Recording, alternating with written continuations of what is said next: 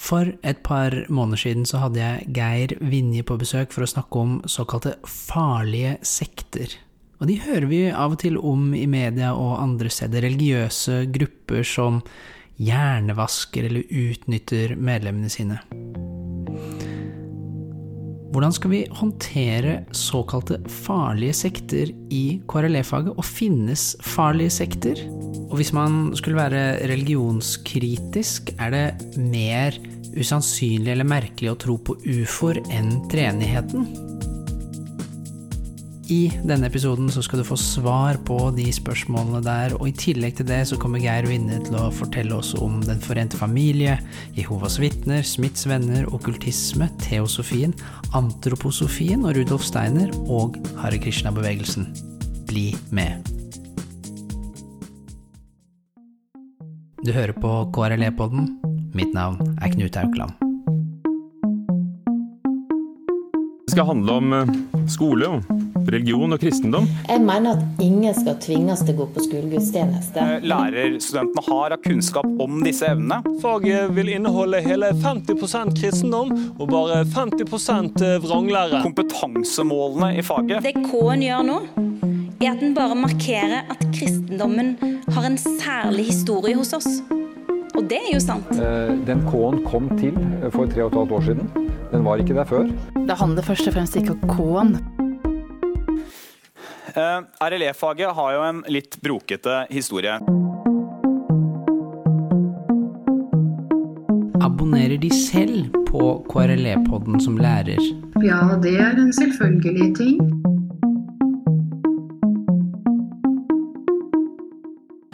Geir Vinje, eh, takk for at du har kommet hit. Du har med en bok som heter 'Fra bønn til magi', som du skrev for en stund siden, om nye religioner og menneskesyn. Og grunnen til at jeg inviterte deg hit i dag, det var for å snakke om farlige sekter.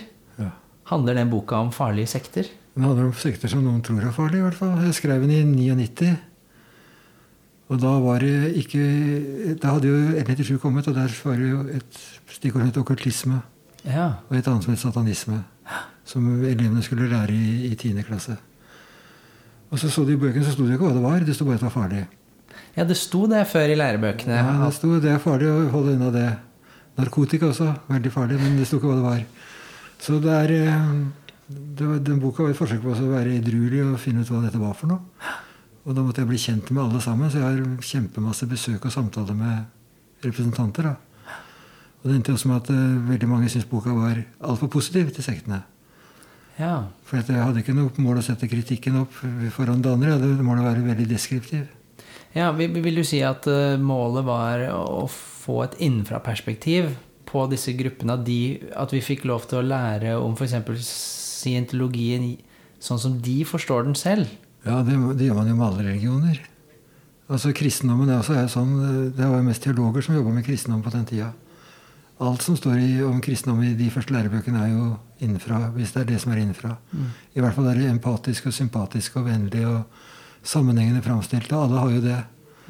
Men det som, ble, det som på en måte var lov, var jo også å si altså Det beste eksempelet er egentlig Einar Molland, som var en kjempefyr. Han lagde konfesjonskunnskap som alle brukte. Men så kom han til Jehovas vitner og mormoner, og så var det såkalt, de såkalt kristne, de såkalt Og en del andre signalord som han putta inn, og så ble det kjempedistanse. De ble holdt på armlengdes avstand. Og de ble ikke kalt kristne, de ble kalt med kristne særtrekk og sånn bare. Og så, og så var jo det bare tull. Og i L97 så skulle jo alle religioner få definere seg selv. Det er det som er litt av en pluralistisk vinkling som har blitt enda tydeligere etter hvert. da. Og så fikk du det, det, det fagansvaret for å ta deg av disse farlige sektene, da. Ja, Det var lærebøkene og sånt. Og etter et par år så var det en svær lærebokkonferanse som Udir inviterte til. Og da satt jo altså hinduenes forfattere, eller granskere som det het, det var andre som skrev bøkene. Det var jo Hare Krishna-folka. Hare Trefallet, de var jo granskere. Så det var veldig annerledes. Mens buddhismen så var jo han formann i Buddhistforbundet, Egil Lote. Det var veldig forskjellige folk. Mens de som ikke hadde gransker, det var Jehovas og sånt, så de, de var jeg gransker for. Og da Det ble ikke noen hyggelige møter. Fordi det, det, var forventa så veldig mye at det skulle være advarsler og negativt. Og Lars Gule husker jeg skrev masse i Aftenposten A om at eh, lærerne fikk sektpropaganda som fagstoff.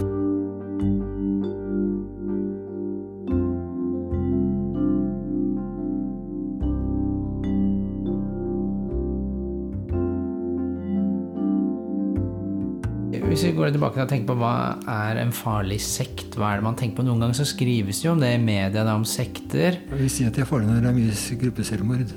Ja, da er de Ok, det Ja, når er en sekt faktisk farlig? Fins det farlige sekter? Ja, det fins jo masse farlige ting overalt. Farlig trafikk, farlige sekter, farlige kirker også. Og altså hvis du blir manipulert for mye, så mye at du blir psykisk dårlig av det, så er du farlig. Men det som er så skummelt, er at majoriteten sitter og kan skrive hva søren de vil om minoritetene. Mm. Så jeg mener at det sektbegrepet kan jo brukes sånn som i amerikansk kult. ikke sant? Det brukes som For å stemple noen som sekt, så har du tatt de. Og da er det et angrep på religionsfriheten. Fordi, altså, Nå ser jeg litt i denne boka di, som for øvrig altså Den heter 'Fra bønn til magi', og den er da tilgjengelig via Nasjonalbiblioteket. Som alle Ja. kan lese den gratis. Det er digitalt. Jeg kan- tror alt, alt 90-talls ligger der. Og der kan man også søke da opp disse ulike kapitlene hvis man som er som, eh, jobber som lærer eller student. Så kan man da f.eks. søke på Smiths venner eller Jehovas vitner eller mormonerne, da, eller Jesu Kristi kirka siste dagers hellige. Ja, Alt det der som var jo skrevet for dette lærebøkene Eller du hørte med i faget, KRL-faget. Ja. Men jeg skrev om veldig mange andre og Det var en bok som egentlig gikk langt utover det. da. Ja, for, men du har jo, det er mange ikke jeg har nevnt her. da, Du har Ahmadiyya-islam har du skrevet om, Hare Krishna-bevegelsen, diverse guru-bevegelser, sånn som Osho. Og der er det jo Netflix en serie som heter Wild Wild Country, i seks episoder. Helt fantastisk om Osho-gruppen. og så har vi Teosofisk samfunn, Antroposofisk-selskap med Rudolf Steiner, heksebevegelsen. Åsatru, sjamanisme, satanisme, scientologi, ufo-grupper. Det sånn, det er et stort spekter her. Ja, og Mange av de gjentok jeg i en seinere bok sammen med en venn av meg. Men når vi tenker på, når vi leser om disse sektene og vi hører om dem, så tenker vi at de, de som er medlemmer der, de er kanskje litt hjernevaska, og det de tror på, er jo ganske sjukt. Ja, Det er det som er saken. Hvis man kunne stille det samme spørsmålet til sin egen tro Jesus dør på korset, blodet renner. Det er ganske sjukt, det òg. Det er like sjukt, alt sammen. Ja, Er det like sjukt med Jesus-fortellingene som det er med ufo, ufo folk som tror, altså grupper som tror på ufo? det er like absurd begge deler, egentlig? Eller like eller vanskelig å tro på, bokstavelig? Jeg tenker at det, hvis du har en tro som er såpass spesiell som kristendommen er, med treenighetslære og mye greier, så kan du ikke la være å anerkjenne andres tro hvis det er en tre ufoer, da. Som er lenka sammen. Så blir det en treenighets-ufo. Så enkelt. Jeg tenker at det, det Altså, alle gudefortellinger er jo, er jo vanskelig å tro på. Så det handler om helt andre ting. og da kan man ikke, men Etikken er viktigere enn verdiene er viktigere enn forestillingene, men det går i hverandre.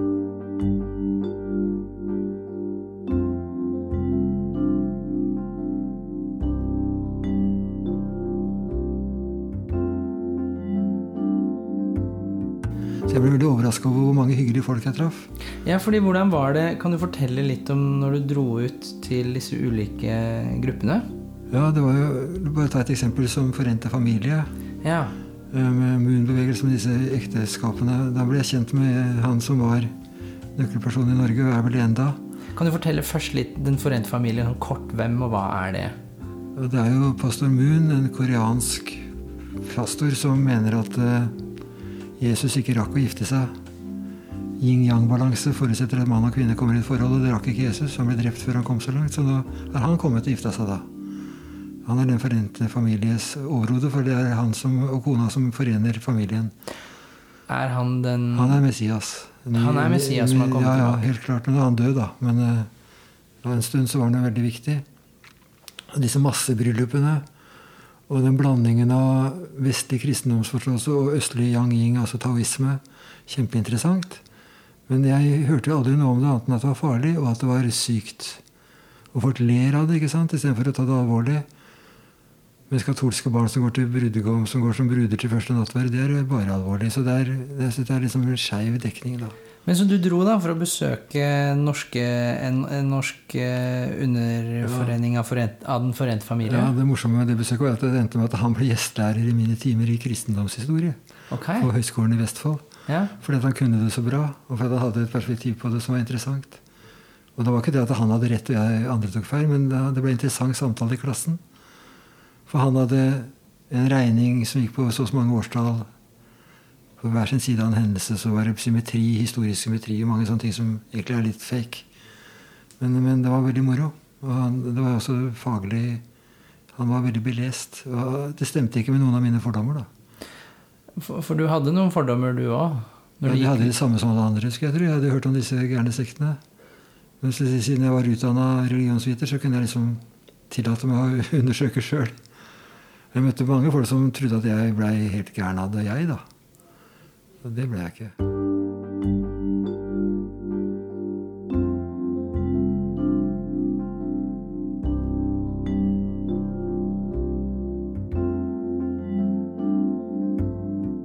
Hvordan var det da med Jesu Kristi kirke av siste dagers hellige, mormonerne? Hvem er de? Noen har kanskje fått med seg at eh, det er en musical nå som går.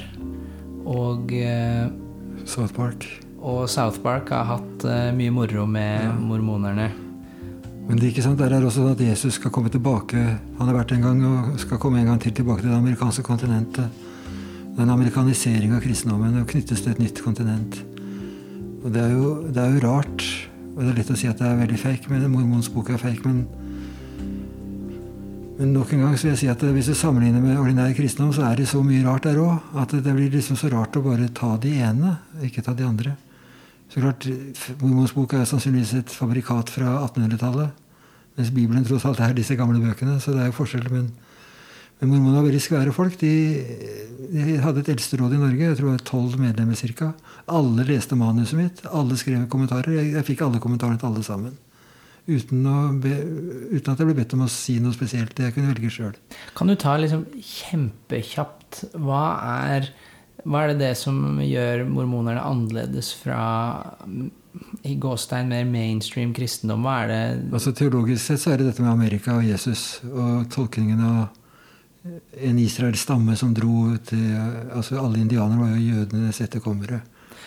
Nettopp, så de mener at Det er mange, mange, det er mange ting som de bygger opp som knytter Amerika til gamle kristne verden. Ja, så De ser f.eks. på Gammeltestamentet, og der er det snakk om jødiske stammer, så mener de at noen av de eller en av de kom til Amerika. Tor Heyerdahl-aktig greie. Ja. ja. Og så, og dette er mange hundre år siden, og så hva er det som skjer? altså, Mormons bok handler jo om det at de kommer dit, og, og så blir det etter hvert en polarisering mellom to grupper, og så blir det krig, og så taper de gode. Og så kommer Jesus plutselig tilbake og hilser på dem, og så varsler han om framtida, og så er det en gullplatebok som alt dette står på, som er gravd opp. Og at han, Josef Smith gravde opp også noen briller for å kunne tolke og oversette den boka. Så leverte han alt tilbake. Men han fikk mange underskrifter på at det var sant. da. Og dette, og dette skjer da på 1800-tallet? Alt dette er 1800-tallsgreier, ja. Og så dro de vestover med vogntog og møtte banditter og indianere som en ordentlig cowboyfilm. altså Etablerte seg i Salt Lake City. Og nå ser vi da av og til på gatene i bybildet to unge gutter ja, det, er, det, er, det, er, jenter òg, men det er mest gutter. ja. Ja, det er jenter også. Men de er godt kledd. Litt sånn businessaktig. Ja, de tror, de tror at det da vekker mer positivt inntrykk. I Norge så er det jo ikke sånn, men det tror alle gjestene våre. Men de er mormonere? Ja, og det er ikke de som er viktige mormoner i Norge. For dette er, dette er misjonærene. Men det er menighetene rundt i norske byer som er ganske mange folk. Det er jo det er vel ikke så langt unna 10 000 medlemmer i alt. Og de vanlige menighetene er jo ikke misjonærer fra Amerika, det er jo naboen din, det. Og det er mange sånn melkisedekske prestedømme, det er mange sånne rare regler de har som egentlig ikke er rare, for alt er henta fra Bibelen. Men det som er spesielt med det, det eneste som en lærer må være obs på, syns jeg, er jo dette med kyskhet. Veldig streng seksualmoral. Og kjønn, eller seksualundervisning på skolen er ikke noe ønskelig der.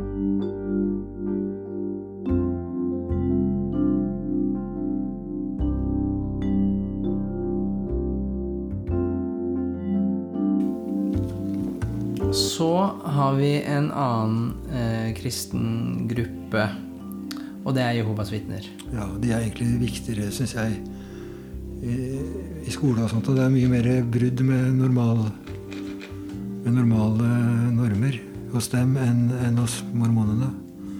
Så Jehovas vitner er mye viktigere for en lærer å være Den største feilen lærerne gjør, er jo at de syns synd på dem. Istedenfor å bygge opp verdighet knytta til deres egen tro. På hvilken måte, på, på, på hvilken måte er eh, Jehovas, Jehovas vitner normbrytere? Bursdag da, som et eksempel. Det er jo Alle norske lærere tror jeg nesten vil jo si at det er fint å feire bursdag for et barn i klasserommet. I tillegg til at det kan gjøres hjemme. Mens jeg sier jo at kan man jo man kan gjøre andre ting enn å feire bursdag. For akkurat bursdag er så veldig negativt i Bibelen. og De er biblisister. Jo, fundamentalister. Hva betyr det? Hva betyr Det betyr at du tar Bibelen veldig bokstavelig. Og det er en respons, det er en reaksjon på Darwin og alt det der. Da man begynte å omtolke skapelseshistorien pga. Darwin, så, så måtte jo de, så var det de som da ikke ville være med på det. Det er de første kreasjonistene, faktisk. Og så står det i Bibelen at Herodes' bursdag, da drepte de døperne hans. Salomes ønske, ikke sant. Og en bursdag i Egypt så er det en faro som dreper masse folk. Og andre bursdager er det ikke i Bibelen. Så bursdager er hedenske drapshøytider. Så dermed så sitter vi da med noen elever i noen klasser som ikke feirer bursdag. Ja, Og hvordan skal man håndtere det?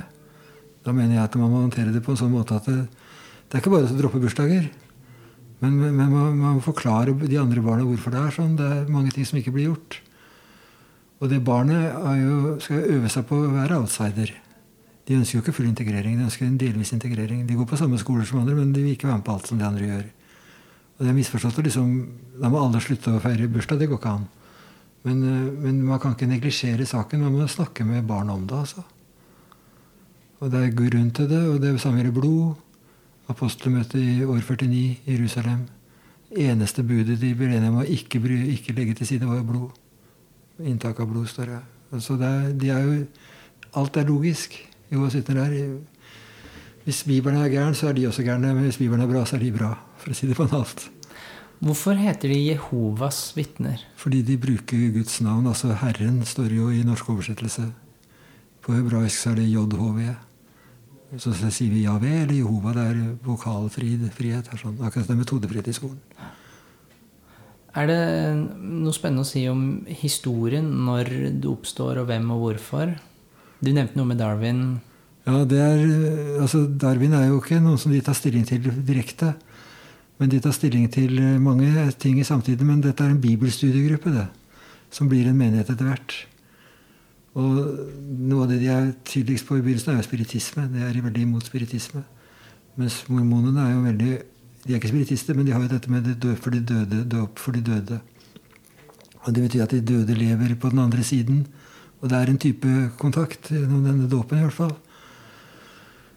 Så når det gjelder sånne New Age, tidlig New Age, så er det de to veldig forskjellige. Mormonene er med på det meste. Tor Heyerdahl-varianter og alt. Mens Jehovas vitner er ikke med på noen ting. Er det mulig å se Kan man se på eh, en, en, som er med i Jehovas vitner eller mormoner, at de er mormoner eller Jehovas vitner? På et foreldremøte eller i et klasserom? Nei, tror ikke det. Men uh, ikke hvis ikke du skal feire jul og sånn, da merker du det med en gang. Ja, fordi man, feir, man, ønsker heller ikke å feire jul i Jehovas vitner. Nei, det er jo det samme, det. det jo, jula ble innstifta av keiser Konstantin som en del av keiserlig omlegging av religion i Romerriket. Det konstantinske omsvinget førte til veldig mye mer lukrativt å være biskop, f.eks. Så, så de, jo, de, reagerer jo negativt på alt som kan ligne på korrupsjon. da.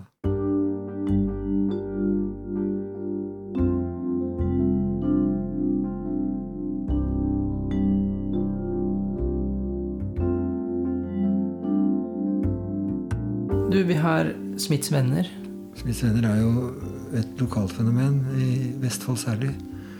Og folk blander sammen at de kjøper opp mye eiendom og sånt, og med at de er en sjuk tro. Men den er jo ikke sjukere enn at det står i brevbrevet at alle kan bli som Jesus. Han var et menneske, men han syndet ikke. Og det modereres ikke med Paulus-sitater så mye som i lutherkirken. da. Ja. Det er det som er spesielt med muslimer. De har et veldig sånn hellighetskrav til seg selv. Så de, de, prøver virkelig å modellere sine liv etter Jesus? Ja, Forkynnelsen til han første Smith Han var jo negativ til statskirken fordi at de ikke tok det alvorlig nok. Men, eh, men det som har skjedd i Vestfold, er en, en, en fronter rundt alt Smiths venner står for. Vi hadde jo avslutning i, på Brunstad nå før sommeren. Høgskolen er det nye universitetet i Sørøst-Norge. Ja. Eneste stedet hvor det var plass til alle sammen, var jo der. Og da var det folk som ville boikotte. Ja, altså Det som nå da heter Universitetet i Sørøst-Norge, skulle feire at de hadde blitt universitet. Ja, og så booka de et festlokale Som er en kjempestor foredragssal. Ja. som driftes av Smiths venner. Ja, som ligger rett der i hovedkvarteret. Og da var det noen som foreslo at eh, på den ene siden at det burde ikke da høyskoleledelsen ha Fordi det var sosial dumping og sånne ting, ble det sagt. Men Fordi det de er- drev med dumping. ja. Og så var det andre at kanskje vi ansatte skulle boikotte. Hva, hva tenker du om det? For det er vel kanskje litt på dette med sekt. Dette er en sekt Ja, det er, det, er sekt, det, er sekt, det er lov å si sånne ting. Men saken er at det er jo ikke noe det er ikke noe, Du har ikke noe dokumentasjon på at det er sånn. Så det er, det er et rykte mer enn det er en sak. Og rektor gjorde det eneste riktige. Han sjekka jo med politiet og alt om det var noe saker, det var det ikke. Fordi de har en slags dugnads... Ja, de har dugnad, akkurat som idrettslag. Idretts, samtidig med den saken så var det jo dette her saken i, media hvor disse lederne i internasjonale idrettsgrupper brukte vanvittig mye penger som kom fra dugnader nedover i systemet. Og det, det er ille nok, men det er ikke det er, ikke noe, det er ikke kjørt noe sak på det, og det er, det er ikke noe dokumentasjon på det. og Det betyr at det er en påstand som ikke er nok til at du kan ikke bryte kontrakt ut fra en påstand. Fordi den type kritikk er vel noe som går i Det er vel én type skal vi kalle sektkritikk som går omtrent som her. Eh, I eh, denne gruppen, om det er scientologi eller hvem som helst annen, så er det folk som gir masse penger, eller som arbeider uten lønn. Ja. eh, Og de blir utnyttet. Ja. Eh, Og Og derfor så er dette en farlig sekt. Ja, så er det sånn tipunktsliste rundt på nettet. Ikke sant? Hvor det du sa nå er ett punkt, så er det seksuell utnytting kan det være et annet punkt. Mm. Rykte på det òg. Hjernevask. Det er egentlig en kinesisk metode som ble utvikla etter krigen. Men det brukes nå i norske oversettelser som om det er noe alle sekter driver med. ikke sant? Men vi, og hvis vi da går til La oss si vi går til Smiths venner, da, som jobber på det konferansesenteret, og så spør vi ja, får du lønn for å jobbe her. Nei, det gjør jeg ikke. Jeg gjør det frivillig på dugnadsbasis. Så blir da neste spørsmål ja, blir denne personen utnyttet? Og da kan man jo se foran seg noen utbrytere. Ja. Og disse utbryterne vil si det. Utbryterne er veldig takknemlige. De, de blir jo får alltid tilbud om å intervjue veldig fort. Hvis du er litt marked, som profilert utbryter, så vil folk høre på deg. Fordi det, da snakker du sant. Mens de som er lykkelige, de har ikke skjønt at de har ille ennå. Ja, er det ikke sånn? Nei, det er ikke det. De som er lykkelige, er lykkelige, de. Men jeg, får- jeg regner med at de fleste som jeg har truffet i disse sektene, de, går, de er ikke avhoppere. De fleste er ikke avhoppere. De er, kanskje kan trekke seg fra en lederstilling og sånt, men, men de er jo veldig fornøyde. da. Det er sånn hver er salig sin tro. Gjentagelse gang på gang at jeg får den følelsen der. Så Så hvis vi har da Vi har en som nå er aktiv medlem i Smiths venner, og så har vi en avhopper. ja. Altså, avhopperen sier dette er en form for utnyttelse. Vi ble, vi ble lurt og overbevist, Ja. og vi jobbet uten å få noe penger. Og så sier den som fortsatt er aktiv medlem, at dette her er flott, eh, jeg gjør dette frivillig. Hvem har de har rett da? Altså, De har rett begge to på en måte. For Så lenge de sier at dette er min personlige tolkning og min personlige historie, og det handler om åssen jeg har det, så kan ingen overprøve det. Men det som skjer nå er at hvis du sier at du har det bra, så blir du ikke trodd. Da syns folk synd på deg. Og det er jo den sektlogikken som er så ille. Og det som har skjedd, hvis jeg kan nevne Audhild Skoglunds bok 'Sekter', så har jo hun er en kapasitet på sekter, og så ble hun bedt om å bidra til en eh, rapport om norske sekter med vekt på barn og traumatiserte barn etter sektoppholdet og sånt noe. Og så fant hun rester av, av Children of God, altså det heter familien nå, da, på Flisa. Men hvem er det? Kjapt. Det er en gammel hippie-kristendom som hadde fri sex og sånt nå i 70-60-tallet. Ganske interessant med Moses David som profet. Og tegneserier som kommunikasjonsform. Det burde du se nærmere på en gang. Og så, og så fant hun de, og så intervjuet hun alle disse barna, og så fant hun ut at det var ikke noe gærent. De virka så fornøyde. De hadde privatskole, men det var ikke så mye annet med de. Og så leverte hun opp på rapporten til departementet. Og så kom de der Sveinhall og de folka som er på Modum og Sjelesørgerinstituttet og sånt, og så ville de ikke ha den rapporten. De kjøpte den amerikanske isteden. Og det forteller skolen om i den boka. Den prosessen rundt sektforsking. Hvor, hvor, man ikke får lov til å publisere forskningsresultater hvis ikke det stemmer med fordommene. Så, men hvis man sjekker ut den boka da, til Audhild Skoglund som heter 'Sekter', den er utgitt på Humanist Forlag, hva er det vi kan lese om i den boka? For det første kan du lese veldig mye om sekter, altså faktastoff. I mye større grad enn meg så var hun ute etter de som ble, dette begrepet ble brukt om. da. Jeg var mer opptatt av L97 og sånt nå. Og alle disse skandaløse sektene. ikke sant? Og både mange ikke-norske, som jeg holdt meg også unna, alle disse selvmordsgruppene. Men så kommer disse forklaringene, og den, den derre veldig hatet mot sekter, og den veldig mistenkeliggjøringen av folk som er dumme nok til å være i sekter. Og, og den sikkerheten på at de blir hjernevaska. Og det var Munis, husker jeg het jo en bok da jeg var liten, som handlet om forente familiehjernevask. Altså Det har vært så mye av det. Jeg skrev i avisa i Tønsbergs Blad om scientologi en gang, og så fikk jeg motbrev, lesebrev fra en prest som syntes synd på disse barna som ble hjernevaska. Han tok alle under ett, for det, akkurat den gruppa var 18-årsgrense og ikke hjernevask. Det, men, man kan si det, og folk er enige, for man vet ikke så mye om det. Mm. Men du, nå bruker vi litt dette begrepet sekt. Ja, fordi det er du som ville ha det som overskrift.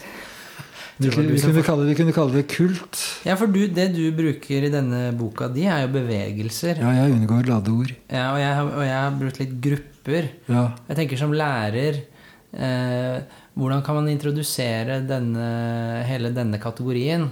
Altså det Ok, nå, ha, nå skal vi ha med ulike grupper i ja, Man kan ha et punkt som går på hvordan forholder denne gruppen seg til andre grupper. Ja. Det kan være et gjennomgående punkt overalt. Mm. Da vil jo de aller fleste kristne kirkesamfunn gå i fella og bli beskyldt for å være eksklusive.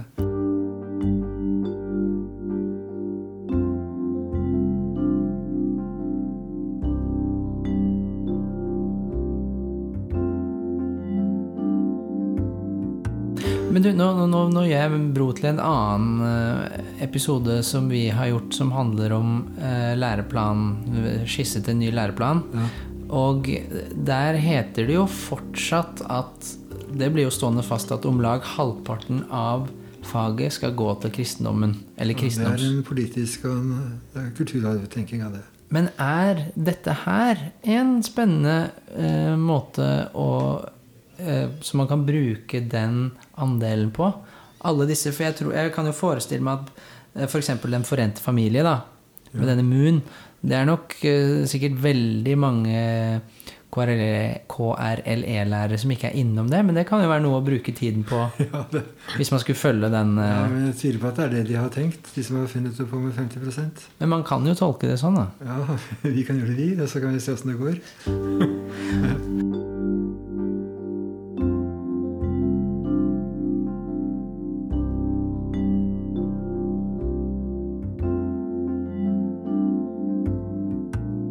vi snakket om ulike kristne grupper. Er det noen andre grupper som du vil trekke fram? Det fins jo selvfølgelig flere.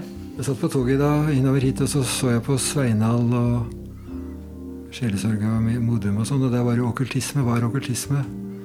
Og der er det farlig. Og jeg tenker også at okkultisme er jo Hele New Age er jo okkultisme per definisjon. Og masse folk som driver med det. Og det er jo at det er ikke noe farlig enn religion. Jeg tror kanskje religion er verre. For det, der er det jo åpenbaringer og sånt som er veldig absolutte. Okkultisme er mer sånn forskningsbasert religiøsitet, tenker jeg. Ja, for du bruker her dette begrepet okkultisme, og så overlapper det, hvis jeg skjønner det riktig, med den uorganiserte nyreligiøsiteten. Det som noen ganger blir kalt for det spirituelle miljøet. Den type ja. ting som vi finner på alternativmessen. Ja, der er det, altså, hvis du jobber med korrespondanser Astrologi, altså stjerne, menneske, eh, stein, mineraler som gjør noe med mennesket. ikke sant? Alle disse korrespondansene som ikke du kan påvise. Så er det per definisjon okkultisme. Det er det som er magi. ikke sant? Det er mange nivåer, og så kan du manipulere med ett nivå, så skjer det noe på et annet nivå. Men i New Age er det også sånne bønner og meditasjoner og sånn som, som, er mer religion. Men der er forskjellen på religion og okkultisme er ikke så stor i New Age. Der er alt velkommen. Det går mye om, alternativ, alternativ medisin er jo veldig okkult. Og så er det en gøy ting som du har skrevet om uh, i boka. Det er antroposofisk selskap, og det er Rudolf Steiner. Og vi har jo Steiner-skoler i Norge. Ja, det er også en sånn greie som De har overraskende høy status. Ja, for hvorfor, hvorfor Kan du si litt sånn fort eller kort om antroposofisk selskap? Hvorfor er det okkultisme? Hvorfor kommer det inn i denne boka? Og, og hvordan, i hvilken grad eh, gjør det seg gjeldende i Steiner-skolen? Det er en ganske fersk bok, en doktorgrad om Steinerskolens historie i Norge, skrevet av hun mora til Camilla Jørgensen på NTNU. Hun er Steinerskolepedagog og skriver om det sjøl og tar en doktorgrad på det. Og den anmeldte jeg, den boka. Og det eneste jeg hadde å si mot den boka, var at den ikke forklarte det du spurte om nå. Okkultisme er så negativt forstått av de folka at det, det vil de ikke snakke om. Men Steiner var jo teosof først. Og da Teosofene er de som dro til India og brakte indisk religion som noe positivt tilbake til Europa. Og det var særlig sjakraene. Og ja. sånne begreper som blei europeisert. Altså at man har noen sånne energipunkter i kroppen? Ja, og, og yoga knytta til å utvikle disse chakraene. Og syvtallet, som egentlig ikke er så mye i India, da, men som ble veldig norsk eller vestlig. Og det bare et eksempel. Mange, mange ting kom fra India og Rudolf Steiner var med i dette miljøet her? Ja, han var en medlem av Teosofisk Samfunn. Han var til og med leder i et eh, distrikt en periode. Men så sa han det ble for lite kristendom i det, og så ble han starta han et antroposofisk selskap som var kristendom også mer tungt inne. Og der er det sammen en prest som heter Ritle Meyer, som egentlig var luthersk prest, som er kanskje viktigere i å grunnlegge kristensamfunnet. da. Som er et trossamfunn som er dogmefritt, men antroposofisk i parentes. Men det er ikke formalisert, det er, men det er de som bruker det. Og Det er egentlig et ritualtilbud. Du kan ha dåp og nattverd og gudstjeneste og sånt uten å behøve å tro på noe spesielt. Og det var det Steiner tenkte, at det er dogmefrihet for det modne mennesket. Hm. Men, men, fortsatt en form for kristendom hvor Jesusfortellingen er det, myten om Jesus er det sentrale? Ja, det er Bibelen i sentrum der òg, men det blir helt annen tolkning. Blant annet så tolker jo sånn som noen ler av da, når man ler av sektene. ikke sant? At uh, Matteus-Jesusbarnet og Lukas-Jesusbarnet er to forskjellige barn. De to juleevangeliene er om to forskjellige barn. Og så møtes de og smelter sammen da, etter hvert. Hvordan eh, påvirker dette Steinerskolen i dag? Er dette noe som, Eller er det som du kanskje var innom, at det er litt, noe man tar litt mer avstand fra? Altså Steinerskolen er jo ikke en livssynsalternativ, det er et pedagogisk alternativ.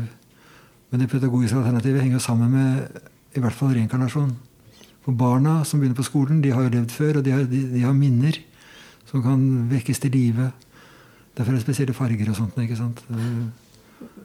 Ok, er dette noe som uh, fortsatt kommer til uttrykk i Steinerskolen? Det snakkes ikke om det, men det ligger jo til bånn. Og i bånn ligger jo en syn på hva er et barn.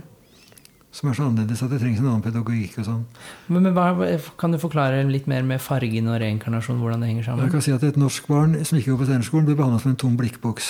Lærerne skal fylle opp denne i løpet av ti år. Steinerskolebarna de betraktes som ferdige mennesker fylt i blikkbokser. og Det handler om å hente frem ting da, som er der. Det er hovedforskjellen. Men, men, de skiller jo så godt de kan mellom antroposofi som trossystem, som de ikke trekker inn i skolen, og heller ikke i lærerutdanninga, og den frittstående skolen som bare er et pedagogisk alternativ. Men det det de har et problem med å forklare det her på en god måte. For at de grunntankene til Steiner Han, han holdt noen foredrag om skole veldig tidlig. Og de foredragene bygger jo på okkultisme, alle sammen. Men da er okkultisme ikke noe negativt, det er bare en annen måte å se verden på.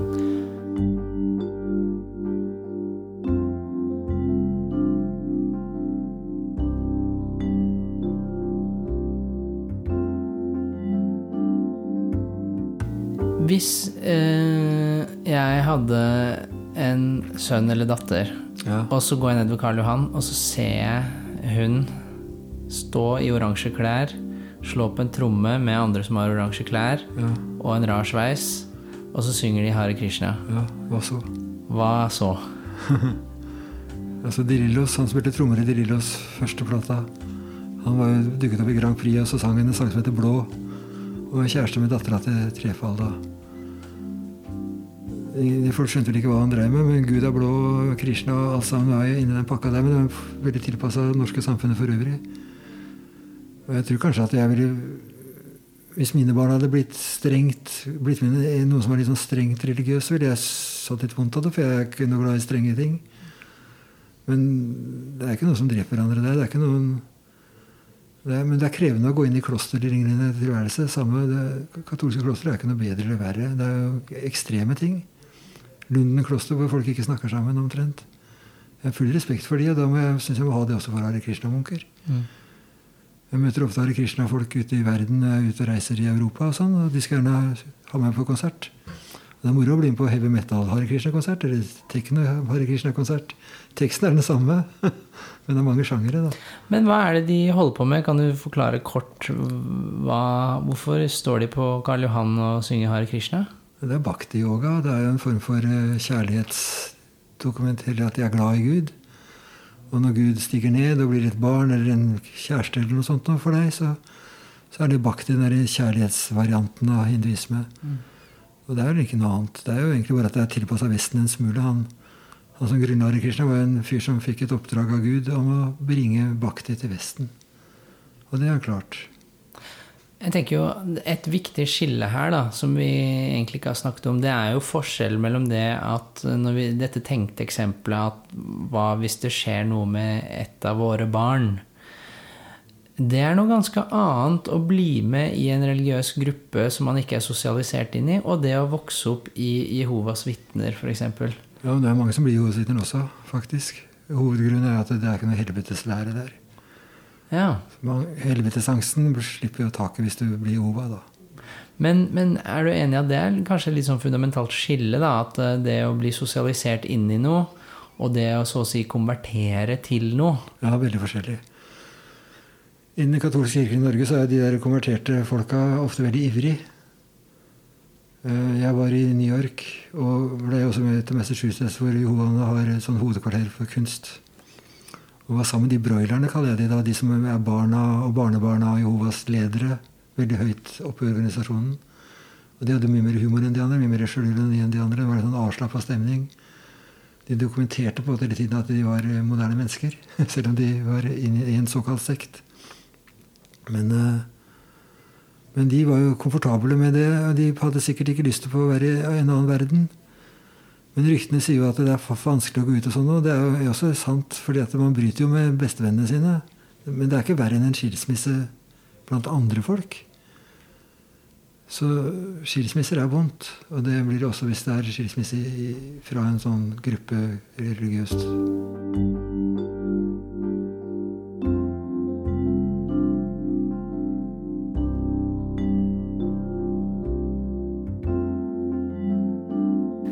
Det er jo mange grupper vi ikke har fått snakket om. Eh, Bahai-samfunnet, Ahmadiyya i islam, Ahmadiyya. paganisme, heksebevegelse, åsatru, sjamanisme, satanisme ja, Alt dette er ikke sekter. ikke sant? Det er mer sånn alle mulige varianter av modernitet og religion. Ja, Også ufo-grupper, da. Men jeg tenker eh, Hvis vi nå slår over til å tenke på KRLE-faget, ja. og at man er lærer hva er, det, hva er det, Jeg mener kan lese, Vi kan jo lese mer om dette i denne boka di fra, brønn, fra bønn til magi. Den er litt gammel nå. Det har kommet bøker seinere som er vel så interessante. Ja, vi kan, Eller Skoglund, f.eks. Ja. Sekter. Ja. Eh, men hva tenker du er viktig å få med seg fra et lærerperspektiv her? Det er bare den respekten som folk må ha. og ikke, ikke, Du må ikke bygge på rykter. Du må nesten nødt til å snakke med folk. Og du skal heller ikke synes så synd på disse barna, for de, de, har bedre hvis de kan være litt stolte. Og mangfold og inkludering og alt det snakket der, det blir jo bare piss hvis ikke man kan ta det alvorlig i en sånn situasjon. Mm. Så det er en test. Jeg tenker at Det er to måter å være humanist på. Det ene humanismen er den som går i dialog med folk og vil alle vel. Den er jeg glad i. Men så er det en sånn aggressiv humanisme som sier at alle må brenne alle hijabene sine. Alle må slutte med sekter. Og det, det blir sånn fascistisk humanisme, nesten. For den jo, motarbeider jo friheten til folk, da. Men hvordan, hvis jeg er lærer og tenker ok, jeg har en elev som er Jehovas vitner eller mormoner eller hva som helst annet, og så tenker jeg at jeg har lyst til å være med Jeg vil ikke synes synd. Jeg vil eh, legge til rette for at den eleven kan være stolt. Ja. Eh, men så vet jeg jo at du også er opptatt av at elever skal ikke måtte si noe som helst om sin bakgrunn. Nei, det kan læreren ordne det. Læreren er en voksne person som kan gjøre dette hvis ikke eleven vil det sjøl. Ja, så tenker du da at f.eks. at en lærer, hvis man har en eh, elev som er Jehovas vitner, så er det et poeng at man setter av tid i KRLE til å snakke om Jehovas vitner. Eller i et annet fag, eller som klassestyrer. Poenget er at det, hvis et barn aldri er med på bursdager, aldri er med på de sosiale greiene, og blir de andre ser på det barnet som liksom litt merkelig uten å vite hvorfor, og, og det er legitimt å si de er gærne og sånn, så gjør vi ikke jobben vår. Eh, Jobben vår må være å passe på at disse barna har det best mulig. Og da tror jeg hvis barnet vil slippe å snakke om det, så kan du slippe, men du kan ikke slippe at læreren snakker om det. Mm. Ja, for da er det jo på en måte Hvis en hel klasse vet, og det vil man jo finne ut antageligvis, at eh, Jonas han er jo Jehovas vitne, Ja, han er rar. det vet man fort, ikke sant. Så, og da mener du at en lærer bør aktivt ta tak i det, lese seg opp på Jehovas vitner, og eh, snakke med elevene om hva dette her er for noe. Og sette det i et perspektiv som gjør at man kan få ha empati og toleranse. Jeg leste jo nettopp fra, høyt fra læreplanene som kommer, Mm. om mangfold. Det Mangfoldet omfatter Jehovas vitner også, ikke sant? Det er ikke noe annet. Mm. Hva hvis vi flytter oss til selve kunnskapsinnholdet? Altså eh, Jeg vet at du har nevnt tidligere at eh, du har jo skrevet en kommentartekst i KRLE-podden tidligere om scientologkirken. Og da har du bl.a. foreslått undervisningsopplegg. Eh, og du viser til at det er Scientologikirken er fin å bruke til å forstå litt hva religion er.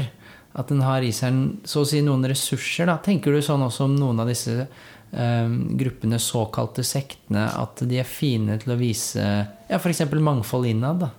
Ja, Så kan du ta Jehovas vitner i dag, og så kan du sammenligne med kristne i år 100 til 200 etter Ja, hva, hva skjer da? Hva, hva ser vi da? de ble martyrer. De kristne ble martyrer. De ble brent på Colosseum og sånt. Og mange. Og Jehovas vitner blir martyrer når de dør uten blod. For eksempel, det er martyrium som ideal, som ikke hører med i dag i Norge vanligvis, men som er tungt inne i kristendommen. Det er masse helgener som er martyrer. Det er et eksempel på hvordan du kan bryte ned disse for Hvis du sammenligner med noe som er Det står fint om martyrer i lærebøkene. Ordet martyr, hvis det brukes som en Lucia eller noe sånt, så er det bare fint. Mens hvis det brukes som Jehovas vitner, da bruker man ikke det ordet engang. Men i deres øyne så er det martyrium, det også. Mm. Og det å hilse keiseren, det gjorde ikke de kristne. Og disse jovene hilset ikke Hitler. Det var en fjerde gruppe som satt i konsentrasjonsleir sammen med sigøynere, homofile og jøder. Så det er, det er mange ting som nyanserer bildet. Mm. Og kunnskap er jo det vi kan bruke den til. Da må vi nyansere så mye at folket blir folk, istedenfor å bli bare grupper. Hva sier du til dette argumentet her, da? Men du, herregud. De blir nekta å feire bursdag, og de blir så lei seg og triste. Her er Sorry, ass, men dette her er overgrep mot barn. Ja, det må man jo bare få mene, hvis man mener det. Men det, det holder ikke som Altså Lærerinstruksen Jeg har fått med ansatte for lønn av norske stat, som har forplikta seg på en del ting. Så det, det holder ikke å være enig eller uenig i pålegg. Du må nesten nødt til å være profesjonell. Men er ikke en av de forpliktelsene å legge til rette for trivsel? eh, Jo, nettopp derfor du Du kan ikke gjøre det ved å nekte barna å være jo og sittende. Trivsel må være med i mangfoldet. Hvis ikke du snakker om det, så går det iallfall ikke bra. Men hvis du jobber med saken, så kan du finne en løsning. Mm. Skole hjem. Eh, har du noen Jeg vet at du har vært med å skrive et hefte eh, knytta til Jehovas vitner og hvordan man som lærer Ja, så jeg skrev en brosjyre sammen med noen Jehovas, ja. mm. Hva er det som er viktig å tenke på der? Men det er bare å holde dialogen oppe, det. Så kommer resten av seg sjøl. Men man må være hele tiden spørrende og ta kontakt og sånn. Og det øyeblikket de får tillit til deg som lærer, så er saken løst. Da bør du ikke snakke mer med dem, for da veit jeg at du gjør det best så godt du kan. Hvis du kommer til det punktet at de har tillit, så er jo nå det. Uten tillit så kan du ikke være lærer. Hvordan oppnår man tillit med foreldre som tilhører eh, en religiøs minoritetsgruppe? Ved å snakke med dem, og så får man beskjed om at noe skal gjøres spesielt for deres barn, og så gjør du det. Da får du tillit.